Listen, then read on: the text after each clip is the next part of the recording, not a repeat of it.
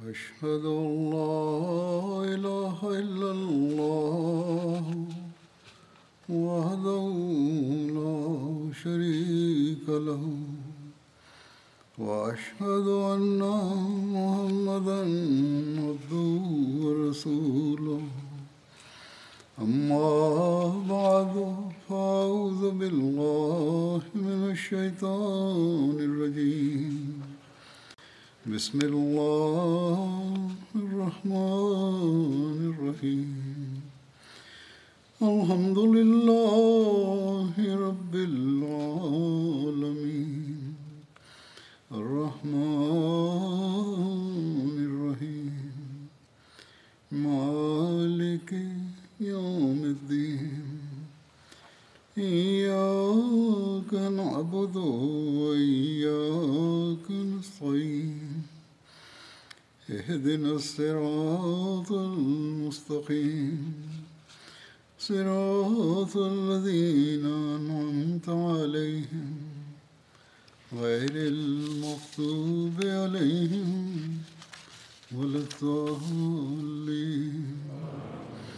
لا يزال الحديث جاريا عن وقائع ما بعد معركة بدر. وهي إذ تلقي الضوء على جوانب مختلفة من سيرة النبي صلى الله عليه وسلم وحياته فإنها تبين لنا بعض الأمور التاريخية وذلك لو كنا ندرس التاريخ. كما تكشف لنا بعض الروايات الخاطئة التي تقدم للأغيار صورة مشوهة للإسلام وتتيح الفرصة لأعداء الإسلام للإساءة إليه. كما يستغلها المسلمون المتطرفون لتحقيق مآربهم. على كل حال إن أول الوقائع التي أتناولها اليوم هي واقعة عمير بن وهب.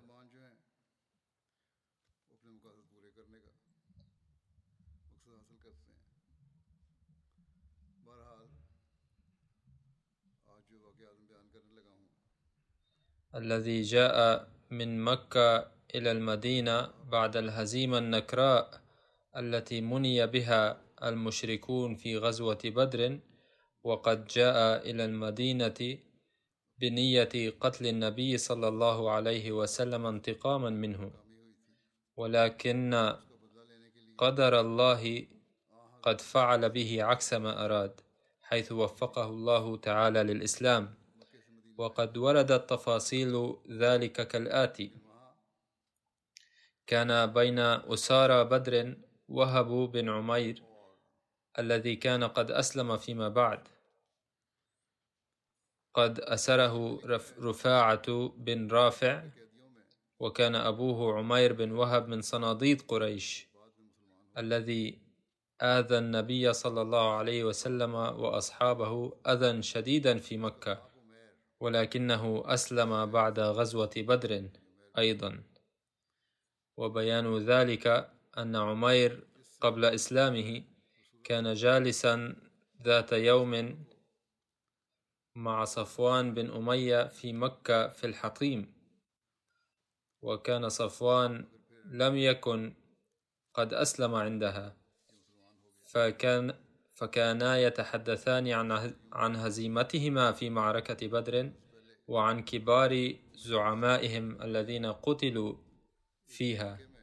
فقال صفوان قبح الله العيش بعد قتل هؤلاء الزعماء. فقال عمير أجل. والله والله لولا دين علي لأحد لا أجد له قضاء.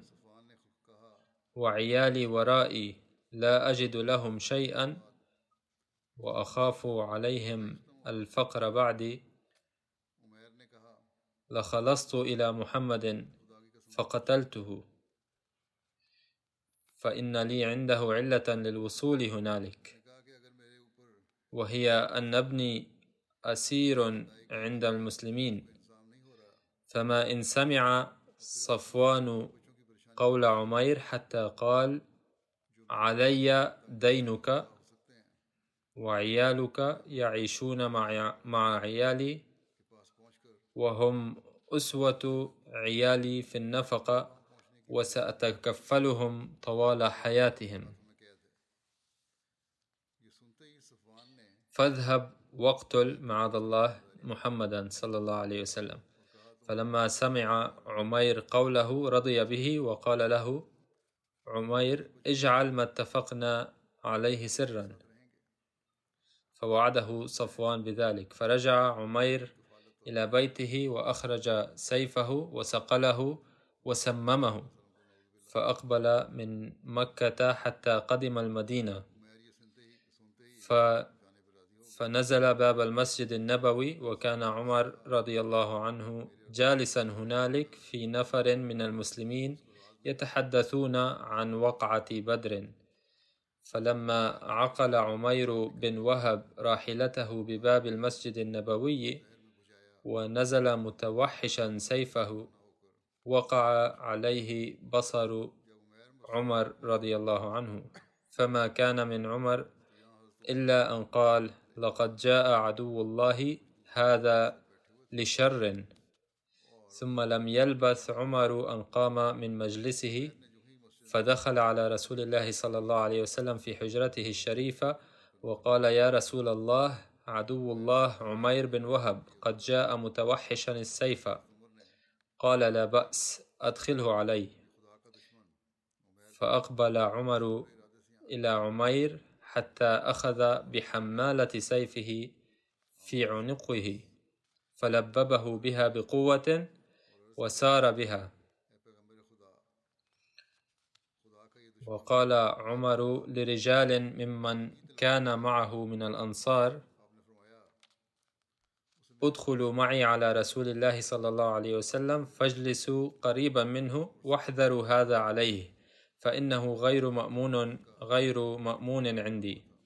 ثم دخل به سيدنا عمر على رسول الله صلى الله عليه وسلم آخذا بقوة حمالة سيفه التي في عنقه فقال رسول الله صلى الله عليه وسلم أرسله يا عمر.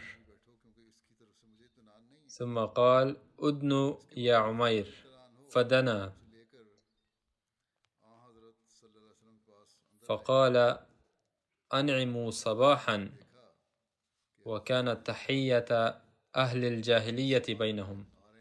فقال رسول الله صلى الله عليه وسلم قد أكرمنا الله بتحية خير من تحيتك يا عمير. السلام تحية أهل الجنة فما جاء بك؟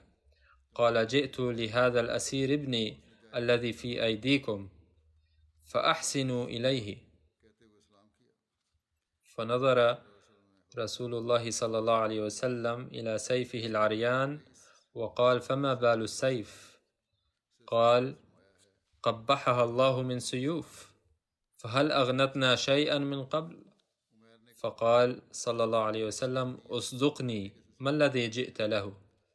ذلك أن رسول الله صلى الله عليه وسلم لم يثق بقوله.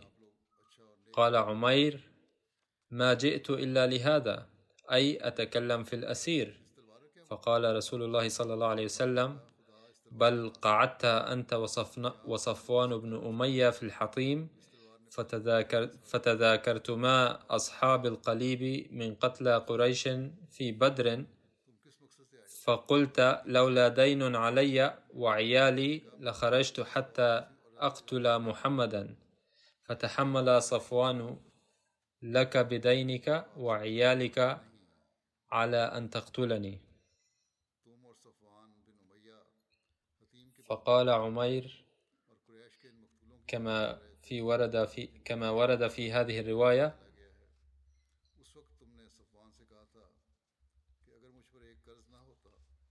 أشهد أنك رسول رسول الله قد كنا يا رسول الله نكذبك بما كنت تأتينا به من خبر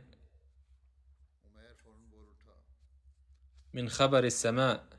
وما ينزل عليك من الوحي وهذا أمر لم يحضره عند الحطيم إلا أنا وصفوان ولا أحد غيرنا مطلع على ما دار بيننا من حوار فوالله إني لأعلم ما أنبأك به إلا الله فالحمد لله الذي هداني للإسلام وساقني هذا المساق ثم شهد عمير شهادة الحق فقال رسول الله صلى الله عليه وسلم لصحابته فقهوا أخاكم في دينه وأقرئوه القرآن وأطلقوا له أسيره.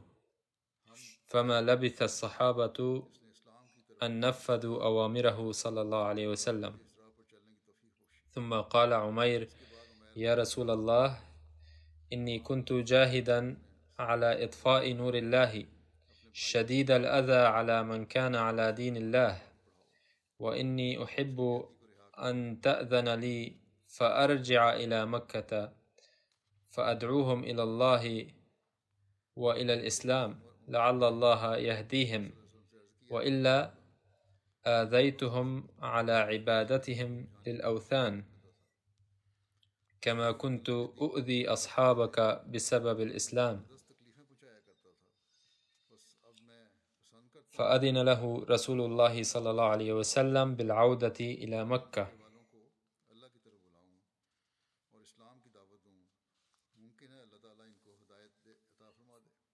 لم يأذن له النبي صلى الله عليه وسلم بالعودة لكي يؤذيهم بل لكي يبلغهم الدعوة. فلحق بمكة وأسلم ابنه وهب بن عمير أيضا.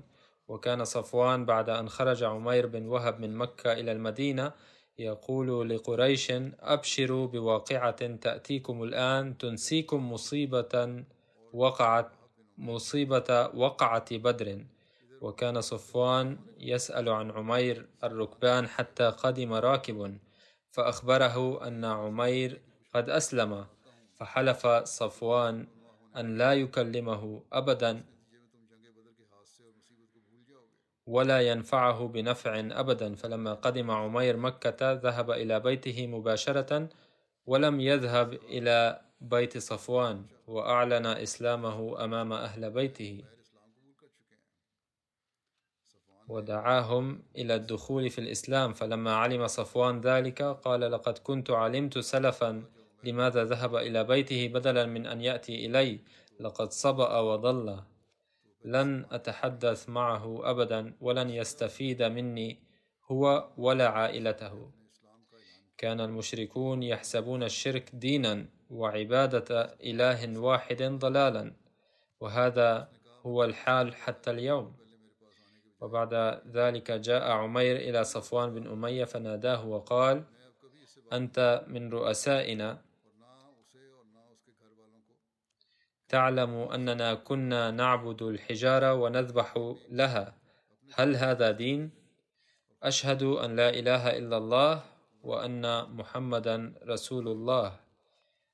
لكن صفوان لم يرد على كلام عمير ولم يلتفت إليه.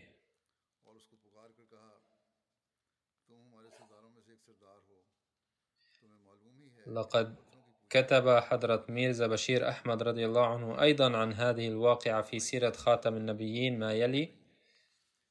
كان كفار قري كفار مكة يقاتلون إلى الآن بناء على قوتهم الظاهرية والغطرسة. ولكن الآن اتجهوا نحو المؤامرات السرية بعد مواجهة الهزيمة على أيدي المسلمين في في ميدان الحرب. وهذا الحدث التاريخي الذي حدث بعد أيام قليلة من معركة بدر هو هو مثال على هذا الخطر. ورد أن بعد معركة بدر بأيام قليلة كان من وجهاء قريش عمير بن وهب وصفوان بن أمية بن خلف يندبان قتل بدر في صحن الكعبة. وتتكرر نفس الأشياء التي ذكرناها سابقا. لقد كتبها رضي الله عنه هنا أيضا. كانا كانا يقولان أن لا متعة في العيش الآن وقال عمير أيضا إنني مستعد للمخاطرة بحياتي إذ لم يمنعني ديني ولم أكن قلقا على أطفالي ولدي حجة للذهاب هناك لأن ابني مسجون عندهم.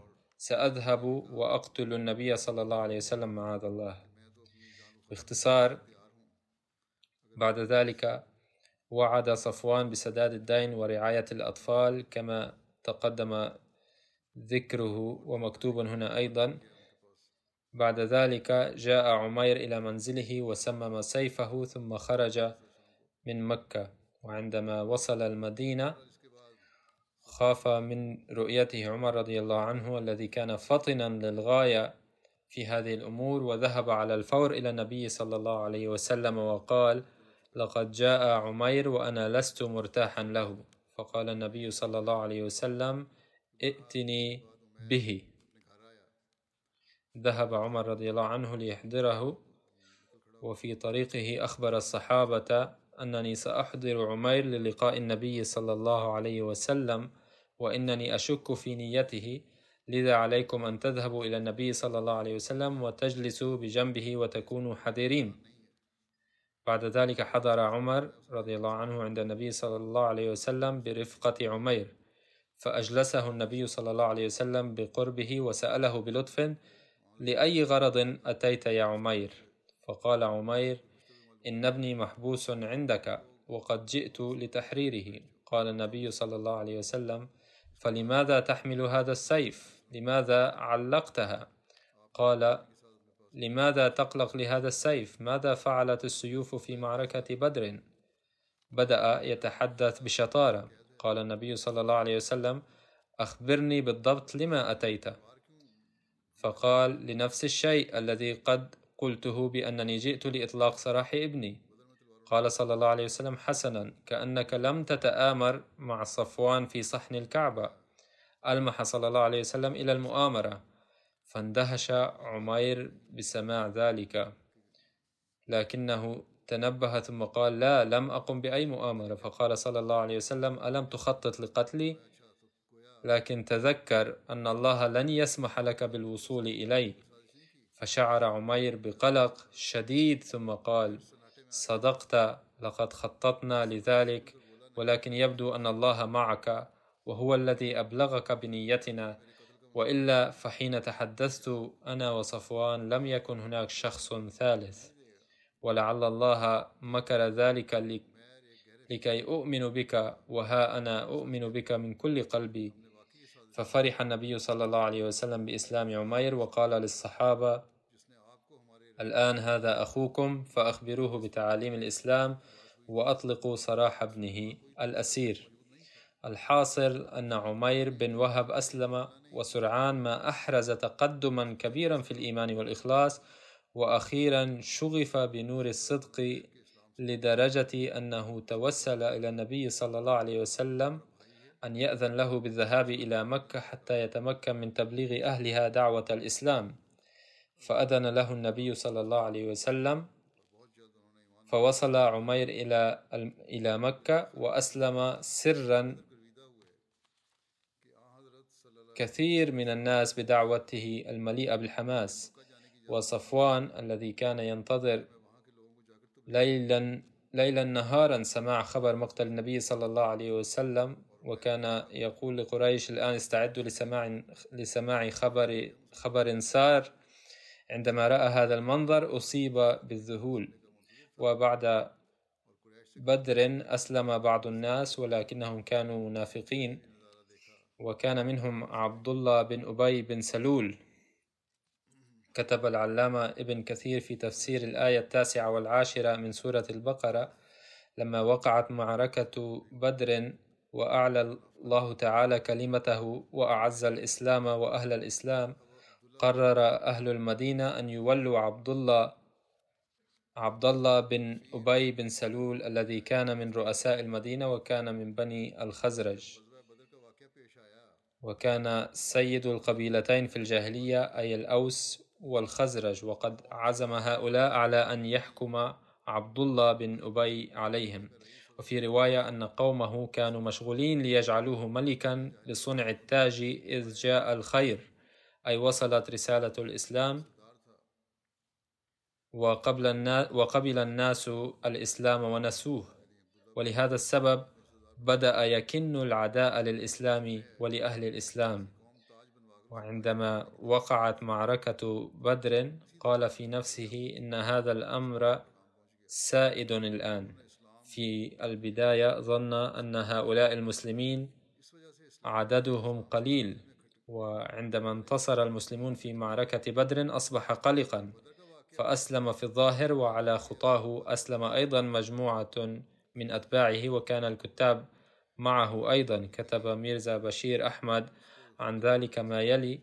وحتى الآن كان الكثيرون من الأوس والخزرج في, في المدينة مشركين. وقد أحدث الانتصار في بدر حركة بين هؤلاء الناس واقتنع الكثير منهم بحقيقة الإسلام بعد رؤية هذا النصر العظيم. وغير العادي لرسول الله صلى الله عليه وسلم. وبعد ذلك بدأ العنصر الوثني من المدينة يتضاءل بسرعة كبيرة. ولكن كان هناك من أشعل في قلوبهم انتصار الإسلام هذا شرارة الحقد والحسد واعتبروا معارضة الإسلام علنا ضد المصلحة فقبلوا الإسلام ظاهريا. ولكنهم كانوا يريدون استئصال الإسلام سرا فانضموا إلى فئة المنافقين وكان أبرزهم عبد الله بن أبي بن سلول وهو زعيم مشهور جدا للخزرج. وقد أصيب بصدمة فقدان زعامته نتيجة مجيء النبي صلى الله عليه وسلم إلى المدينة. وهذا الشخص أسلم في الظاهر بعد بدر لكن قبله كان مليئا بالحقد والعداوة للإسلام وأصبح زعيما للمنافقين. وبدأ سرا في التآمر على الإسلام وعلى رسول الله صلى الله عليه وسلم فالأحداث اللاحقة تبين كيف أن هذا الشخص كان يخلق في بعض الأحيان مواقف حرجة للغاية للإسلام ولها تاريخ طويل منفصل. غزوة بني سليم أو قرقرة الكدر لما رجع رسول الله صلى الله عليه وسلم من غزوة بدر بعد أيام قليلة بلغه أن بني سليم وبني غطفان قد اجتمعوا في مكان قرقرة الكدر ويخططون للهجوم على المدينة. وقرقرة الكدر هي اسم عين في أرض مستوية كانت على مسافة 96 ميلا من المدينة المنورة على الطريق الرئيس من مكة إلى الشام عن طريق نجد. ولكن عندما بلغ النبي صلى الله عليه وسلم هذا الخبر قرر أن يتقدم على الفور نحو بني سليم بني سليم وبني غطفان ويدمر نواياهم الفاسدة. فخرج بنفسه مع جيش مع جيش مؤلف من 300 صحابي إلى قرقرة الكدر. هناك وهناك آراء مختلفة حول رحيل الجيش. يقول ابن إسحاق إن النبي صلى الله عليه وسلم خرج لهذه المعركة إما بعد سبعة أيام من العودة من بدر وذلك في أواخر رمضان أو بداية شهر شوال عند العودة من غزوة بدر. وقد ورد في الطبقات الكبرى لابن سعد أن معركة بني سليم وقعت في الستة من الجماد الأولى وقال الواقدي أنها وقعت في النصف من الشهر المحرم من العام الثالث للهجرة علما أن روايات الواقدي تكون ضعيفة عادة. لقد قاد النبي صلى الله عليه وسلم هذه الغزوة بنفسه. واستعمل على المدينة عبد الله بن أم مكتوم وقيل استعمل سباع بن عرفة الغفاري ويوفق بين هذين القولين أنه صلى الله عليه وسلم استعمل سباع بن عرفة للأمور الإدارية وعين عبد الله بن أم مكتوم, مكتوم إماما للصلاة. على أي حال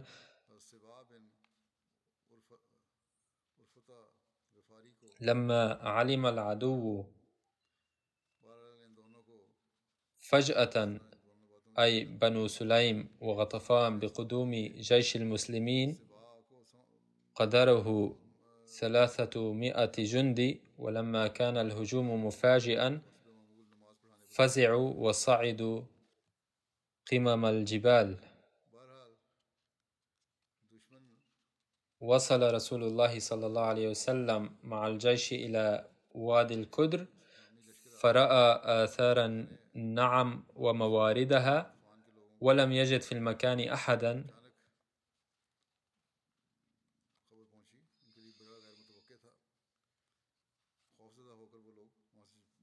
فأرسل إلى أعلى الوادي نفرا من أصحابه واستقبلهم رسول الله صلى الله عليه وسلم في بطن الوادي. فوجد رعاء فيهم غلام يقال له يسار. فسأله النبي صلى الله عليه وسلم عن بني سليم وغطفان فقال يسار لا علم لي بهم إنما أور- أورد لي خمس وهذا يوم ربيعي والناس قد ارتبعوا أي أصابوا ربيعا إلى المياه وإنما نحن عزاب في النعم. ولما كان هؤلاء الناس قد جاءوا إلى هناك بنية القتال فقد ظفر رسول الله صلى الله عليه وسلم بالجمال والرعاة. وأقام عليه الصلاة والسلام هنالك ثلاث ليال. وفي رواية أنه أقام لعشرة ليال. ولم يتشجع أحد لمبارزته عليه الصلاة والسلام أثناء إقامته هنالك. وهكذا عاد النبي صلى الله عليه وسلم فاتحا منتصرا بغير أي قتال. وفي رواية كانت النعم خمسمائة, خمسمائة بعير فأخرج خمسه وقسم أربعة أخماسه, أخماسه على المسلمين فأصاب كل فأصاب كل رجل, رجل منهم بعيرين وكانوا مئتي رجل وصار يسار في سهم النبي صلى الله عليه وسلم فأعتقه وغاب رسول الله صلى الله عليه وسلم عن المدينة لهذه المعركة خمسة خمس عشرة ليلة. وقد أورد ميرزا بشير أحمد رضي الله عنه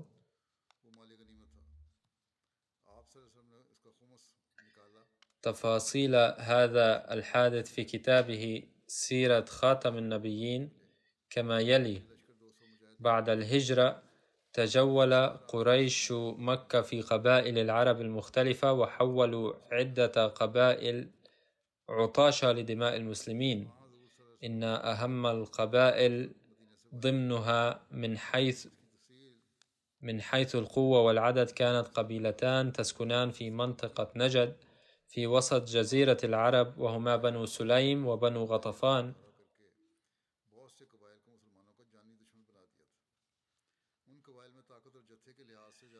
وقد استقطب قريش مكة هاتين القبيلتين بوجه خاص وأقاموهما ضد المسلمين. فيقول السير ويليام ميور ما تعري به لقد توجه قريش مكة إلى منطقة نجد وأقاموا مع القبائل في هذه المنطقة علاقات أكثر عمقا من ذي قبل فصارت قبائل سليم وغطفان من ألد أعداء محمد صلى الله عليه وسلم واتخذت عداوتهم للمسلمين صورة عملية. فبسبب تحريض قريش ونموذج أبي سفيان العملي اتفقوا على اقتراح شن الهجوم على المدينة.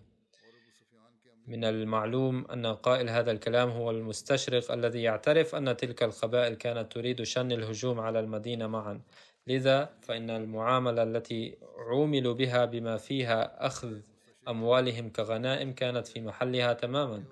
يتابع ميرزا بشير أحمد رضي الله عنه ويقول عندما عاد النبي صلى الله عليه وسلم من بدر ولم تمضي على وصوله إلى المدينة إلا بضعة أيام فقط حين بلغه أن جيشا كبيرا من قبائل بنو سليم وغطفان في طور الاجتماع في قرقرة في قرقرة الكدر الكدر بنية الهجوم على المدينة.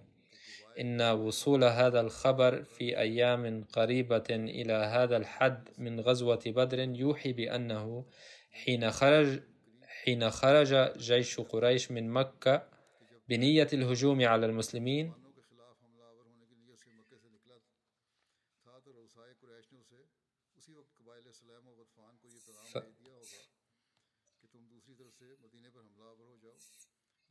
فلا بد أن يكون زعماء قريش قد طلبوا من قبائل بني سليم وغطفان ليشنوا الهجوم على المدينة من جانب آخر. أو يمكن أيضا أن أبا سفيان عندما خرج سالما مع قافلته يكون قد حث هذه القبائل بواسطة رسول منه, منه على الخروج ضد المسلمين. باختصار لم يلبث النبي صلى الله عليه وسلم أن يصل إلى المدينة بعد غزوة بدر إلا بلغه خبر موحش أن قبائل بني سليم وغطفان موشك على شن الهجوم على المدينة.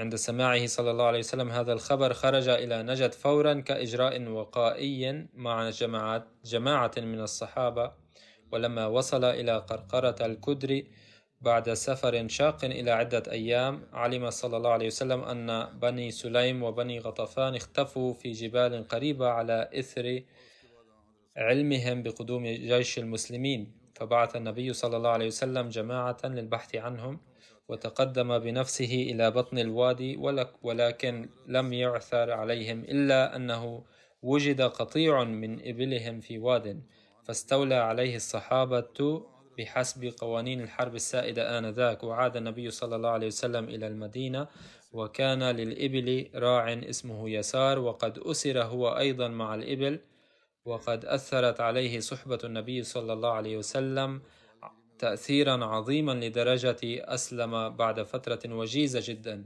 وقد أعتقه النبي صلى الله عليه وسلم حسب عادته ولكنه لم يتخلى عن خدمته صلى الله عليه وسلم إلى آخر لحظة في حياته. وقد ورد عن أول عيد أول عيد الفطر الذي كان في شوال من العام الثاني من الهجرة. ففي نهاية شهر رمضان من العام الثاني من الهجرة احتفل النبي صلى الله عليه وسلم بأول أيام عيد الفطر. واستفسر النبي صلى الله عليه وسلم ما حقيقة وأهمية الأفراح التي كنتم تحتفلون بها ليومين في الجاهلية. قيل كان السكان المحليون يحتفلون قبلنا كما يحتفلون بها الآن. فقال صلى الله عليه وسلم لقد جعل الله تعالى لكم يومين أفضل من احتفالاتهم فسأله الصحابة بكل شوق ما هما ذلك اليومين يا رسول الله؟ قال صلى الله عليه وسلم عيد, عيد الفطر وعيد الأضحى فلا يصومن أحد في هذين اليومين بل احتفلوا, بل احتفلوا بهما. فكان صلى الله عليه وسلم يذهب إلى المصلى في هذين اليومين كان المصلى في الجانب الشرقي من المدينة المنورة فكان يذهب إليه من طريق ويعود من طريق آخر. فكان المسلمون يخرجون مجتمعين مما يجعل غير المسلمين مرعوبين. وذات مرة أما رسول الله صلى الله عليه وسلم صلاة العيد عيد الفطر في المسجد النبوي أيضا لأن المطر كان غزيرا عند موعد الصلاة في ذلك اليوم. لقد كتب ميرزا بشير أحمد عن عيد الفطر كما يلي لما أوشك شهر رمضان على نهايته بعد أن فرض الصيام أمر النبي صلى الله عليه وسلم إثر تلقيه حكما من الله تعالى.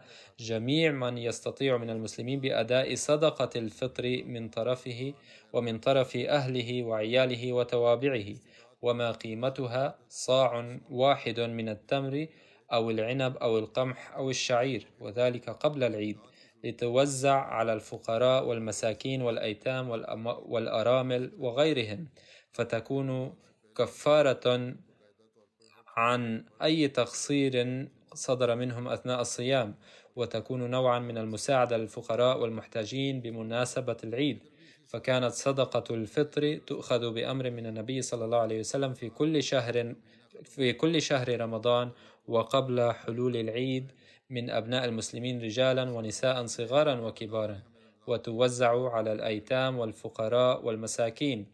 ولقد بدأ الاحتفال بيوم عيد الفطر من هذه السنة نفسها أي أن النبي صلى الله عليه وسلم أمر المسلمين أن يحتفلوا في الأول من شوال بعد الانتهاء من شهر رمضان ويحتفل بهذا العيد ببهجة كتعبير كتعبير عن الامتنان لله تعالى الذي مكن المسلمين من عبادة شهر رمضان ولكنه لموقف أخاذ إذ أن النبي صلى الله عليه وسلم لم يشرع للتعبير عن هذه الفرحة إلا عبادة عبادة أخرى.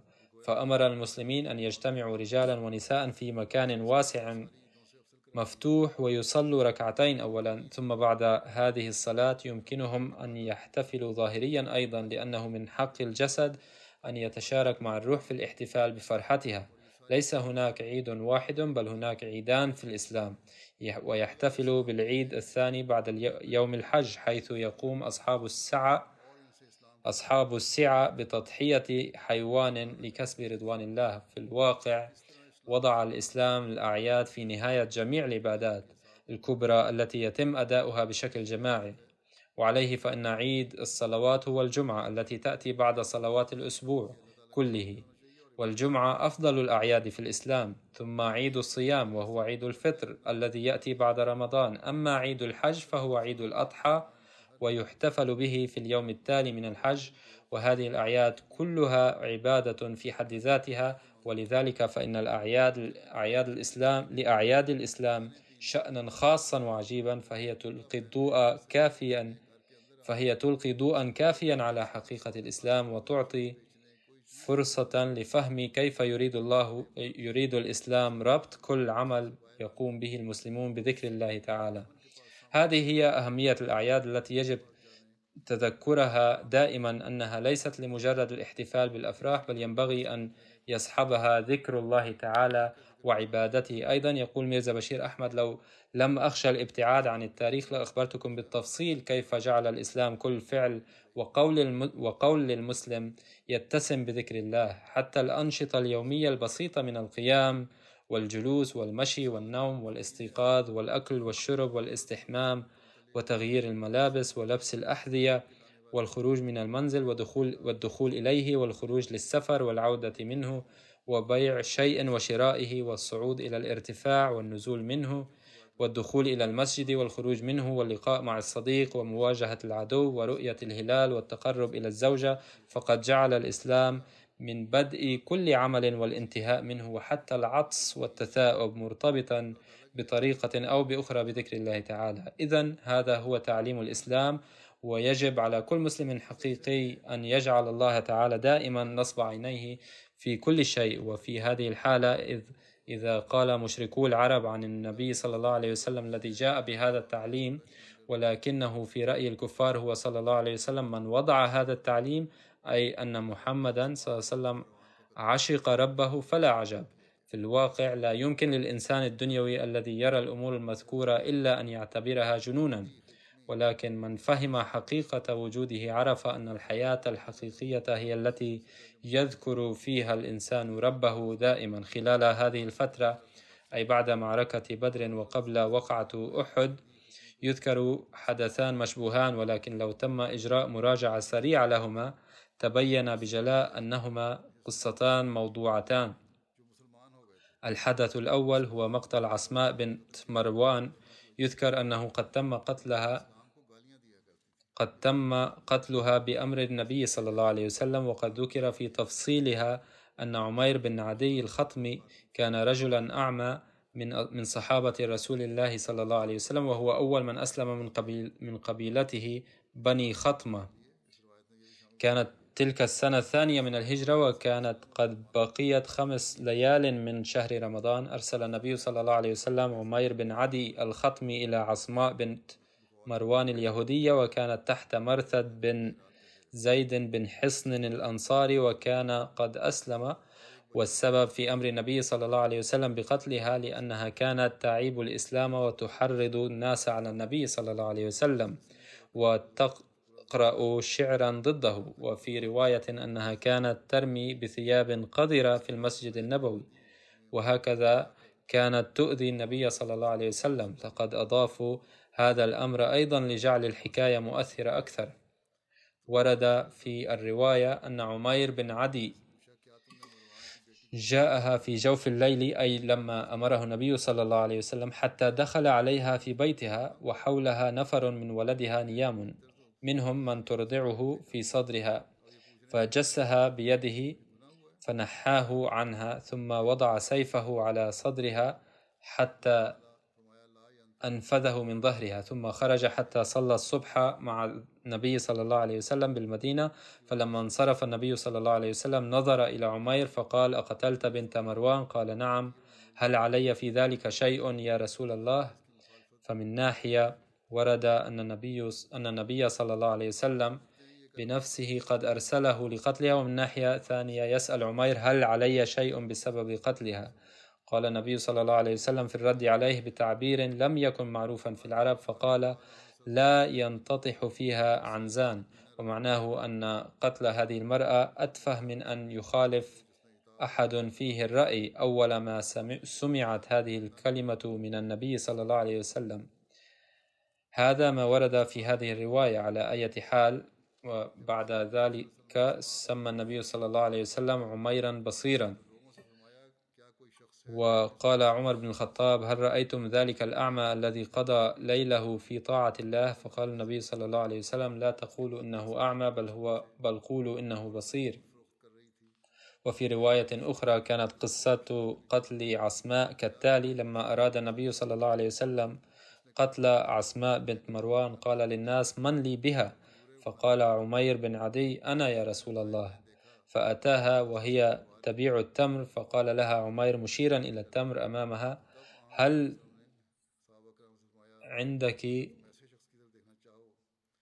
تمر أجود من هذا؟ قالت نعم ودخلت في محلها وانحنت لتناول التمر الجيد. قال عمير فنظرت يمينا وشمالا فضربت على رأسها وقتلتها.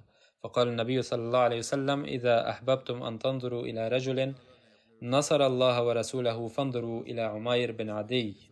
وفي رواية أخرى لما هدر النبي صلى الله عليه وسلم دم عصماء بنت مروان قال عمير اللهم إن لك علي نذرا لئن رددت رسول الله صلى الله عليه وسلم إلى المدينة بخير وأمان لأقتلنها.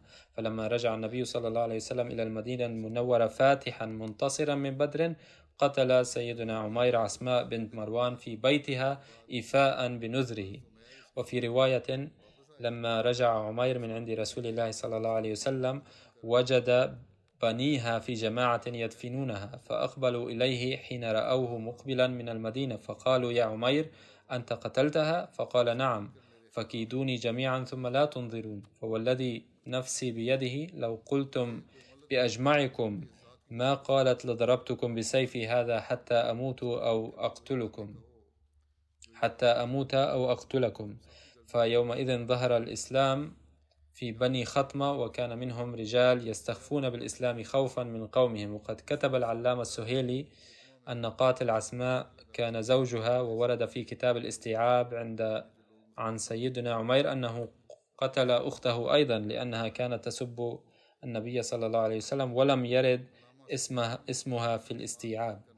فهذه قصة مخترعة بحذافيرها. نجدها في بعض كتب السير والتاريخ ولم تذكر في أي من الصحاح الستة ولا في أي كتاب موثوق به للحديث.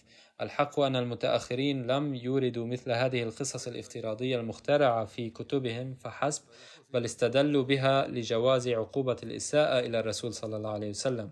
والمشايخ المعاصرون يستدلون بها ويقولون إن من أساء إلى النبي صلى الله عليه وسلم فاقتلوه مع أن الشريعة الإسلامية لم تذكر لها أي نوع من العقوبة مطلقا ولا حقيقة حقيقة لمثل هذه القصص. فحين نحللها نرى أن هذه الرواية ضعيفة من حيث السند وقد ضعفه العلامة ناصر الدين الألباني وكتب في كتابه سلسلة الأحاديث الضعيفة والموضوعة أن أحد رواته رواتها محمد بن عمر الواقدي وهو كذاب وعده ابن معين ضعيفا. إضافة إضافة إلى ذلك حين ندرسها دراية تظهر أسئلة كثيرة أيضا منها مثلا أن الصحابي الضرير كيف وصل إلى بيت هذه المرأة, المرأة وحد وحده؟ وقد يقول القائل إن الطريق كان معروفا عنده فنقول إذن كان يتردد إليها بانتظام فيمكن أن يقال إنه وصل ليلا وحده بتحري الطريق. لكن الغريب أنه وصل إلى الباب وحده وصل إلى الباب وحده ثم دخل البيت ثم تعرف إلى المرأة في ظلام الليل وعرف أن أولادها أيضا ينامون حولها. ربما لمس كل واحد منهم ولم يستيقظ أحدهم خلال ذلك. وهو خلال ذلك عرف أيضا أنها كانت ترضع ولدها ثم إنها رأت الموت أمامها ولم تقاوم ولم تسعى للدفاع عنها وذكر في الرواية أنها أنه نحى الرضيع قسرا فكان القاتل ضريرا وكانت مبصرة ومع ذلك لم تقاوم ولم تصرخ وكان زوجها أيضا ينام هناك ولم يعرف. وأكثر من ذلك أن الصحابي الضرير كيف عرف أنها عصماء بنت مروان دون أن يسمع صوتها لأن العمي العمي عموما يتعرفون إلى الناس بناء على الأصوات وفي رواية أخرى أنها قتلت حين دخلت البيت لإحضار التمر فالقصص متضاربة. ففي قصة أخرى أن المرأة حين دخلت لجلب التمر رأى الصحابي حوله ولم يرى أحدا ومن الجدير بالتدبر أن الصحابي كان أعمى. كيف رأى حوله؟ وأخذ ينظر إلى هنا وهناك وقال إنه لم يرى أحد. وكذلك كيف عرف أن التمر الموجود عندها رديء؟ إذا قال أحدهم أنه عرف ذلك بلمسها بيده فهذا ممكن. أما نظره أما نظره فيما حوله هنا وهناك وعدم رؤيته أحدا فمستحيل على الأعمى. وفي رواية أن ذلك الصحابي حين جاء إلى النبي صلى الله عليه وسلم بعد قتل تلك المرأة وأخبره بذلك عاد إلى هناك فوجد أولادها يدفنونها. فهذا الأمر أيضا يتطلب التفكير كيف بدأ أولادها دفنها فور قتلها وتمت كل مراسم الدفن بهذه السرعة.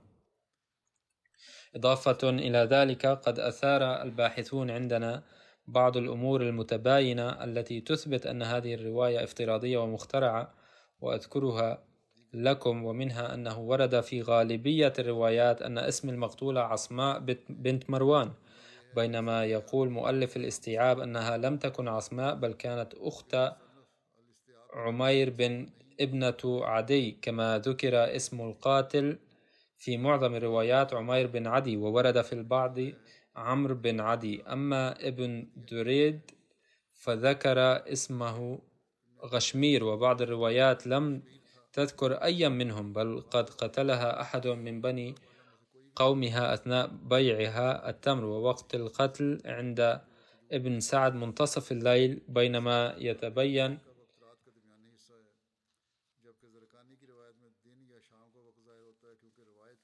من رواية الزرقاني أن الوقت أن الوقت القتل كان نهارا أو مساء لأنها وقت القتل كان كانت تبيع التمر ثم هناك خلاف بين أسلوب القتل أيضا فقد ذكر هنا ذكر أنها قتلت خنقا وذكر أيضا أنها قتلت بدس الخنجر في بطنها وأنها قتلت نائمة ليلا أو قتلها أحد باقتحام بيتها خنقا للحصول على التمر.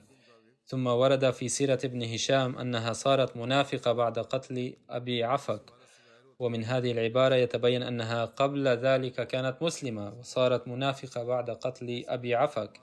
إذا كانت قبل ذلك مسلمة فكيف كانت تهجو النبي صلى الله عليه وسلم وتسيء إلى المسجد؟ ثم بحسب رواية الواقدي قال عمر يا ربي إن علي نذرا إني إذا عدت مع النبي صلى الله عليه وسلم إلى المدينة فسوف أقتلنها. بينما يقول مؤلف موسوعة سيرة محمد رسول الله صلى الله عليه وسلم إنه كان أعمى ولذلك لم يحضر بدرا. وذكر صاحب الموسوعة نفسه رواية الواقدي أن ذلك الصحابي كان يشترك في الجهاد رغم كونه أعمى. فهم بأنفسهم يخلطون الروايات الخاطئة. إن لم تكن هذه القصة موضوعة ومخترعة فلماذا لم تذكرها بعض كتب بعض الكتب مثل تاريخ الطبري وتاريخ ابن كثير وغيرهما إنما ذكر ذكرتها بعض الكتب مثل الطبقات الكبرى لابن سعد عابرا فقط وبعضهم لم يذكروها مطلقا. أما الواقدي فقد فصلها نسبيا كما لا نجد لا نجدها في كتب الحديث أيضا مع أن مؤلفي كتب الحديث أوردوا في كتبهم جميع الروايات المنسوبة إلى النبي صلى الله عليه وسلم فلماذا لم يذكروا هذا الحديث؟ ثم نجد في هذه الرواية نفسها أن النبي صلى الله عليه وسلم قد بعثه بنفسه لقتلها. فما معنى سؤال الصحابي بعد القتل؟ فهل علي في ذلك من شيء كما مر ذكره؟ فلو كان هذا قد حدث فعلا لقال اليهود حتما إن المسلمين قد نقضوا العهد أولا بقتل عصماء بنت مروان. وأرادوا بذلك الخلل في سلام المدينة. بينما ورد في الروض الأنف والتاريخ الطبري أن أول مواجهة حصلت بين المسلمين واليهود كانت غزوة بني قينقاع. أما في هذه القصة فلم يظهر اليهود أي ردة فعل فهذه الأمور تشكك في صحة هذا الحديث كثيرا بل تثبتها باطلة. والمشايخ المتطرفون يعطون هذه القصص أهمية قد شوهوا التعليم الجميل للإسلام وفي العصر الراهن يبدي المشايخ التشدد باختراع القصص من هذا القبيل ويثيرون الناس ضد الأحمديين وهناك واقعة أخرى مشابهة سأتناولها مستقبلا وأثبت بطلانها البين إن شاء الله تعالى.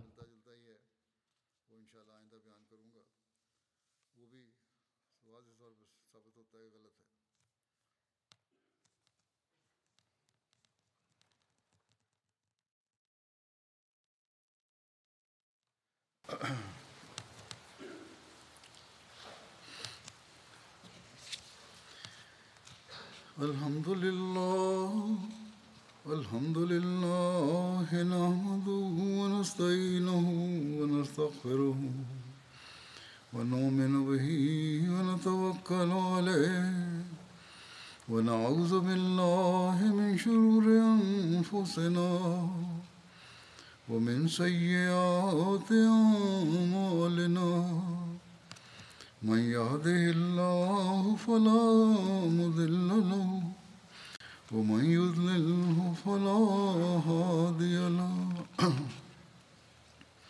ونشهد أن لا إله إلا الله ونشهد أن محمدا عبده ورسوله عباد الله رحمكم الله.